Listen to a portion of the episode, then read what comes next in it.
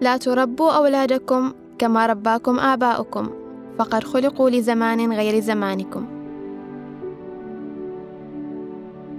أنا ديمة فتاة في السادسة عشر من عمري وهذا بودكاست غيمة. أهلا بكم.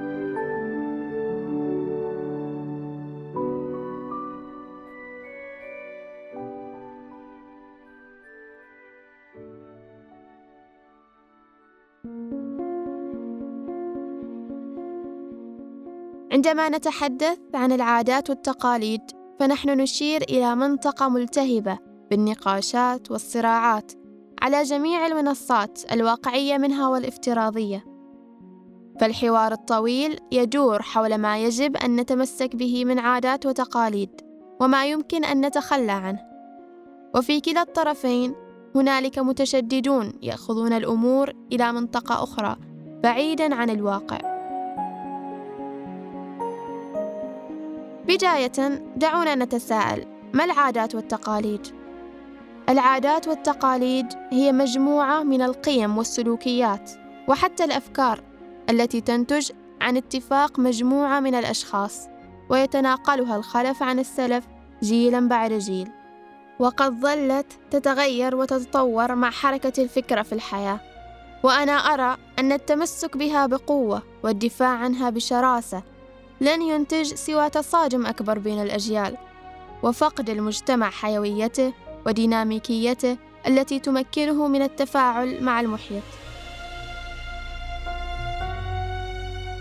فالمدافعون يعتقدون أن مظاهر هذه العادات أمر ثابت لا مجال للتغيير فيه وتعبر عن هوية المجتمع حتى إن كانت ذات منطق خاطئ.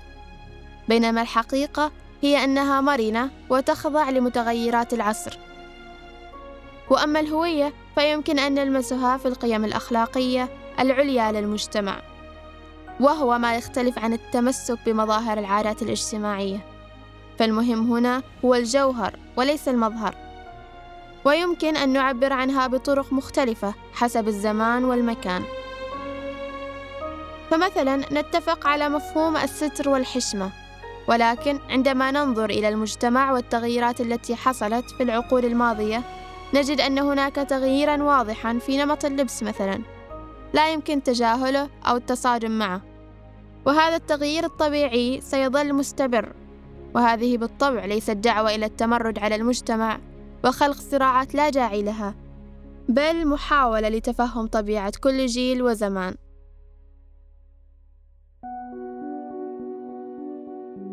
أعزائي الكبار. دعونا نحاول أن نتقبل تلك الفجوة بيننا. النزاع المتكرر حول هذا الموضوع والرفض المستمر ستؤدي عاجلا أم آجلا إلى نفور اليافع من المجتمع وإثارة حنقه على الماضي. وهذا أمر غير محمود. إن اليافع جزء من المجتمع ولا يمكن أن ينسلخ عنه. دعونا نبدأ بتقليل ذلك القلق على فقدان العادات والتقاليد ولنبدأ بتعزيز القيم العليا لبناء مجتمع أفضل. وتذكروا كما تقول الكاتبة ليلى عسيران أن الإنسان في حريته هو أقوى بكثير مما لو كان مكبلا بالعادات والتقاليد.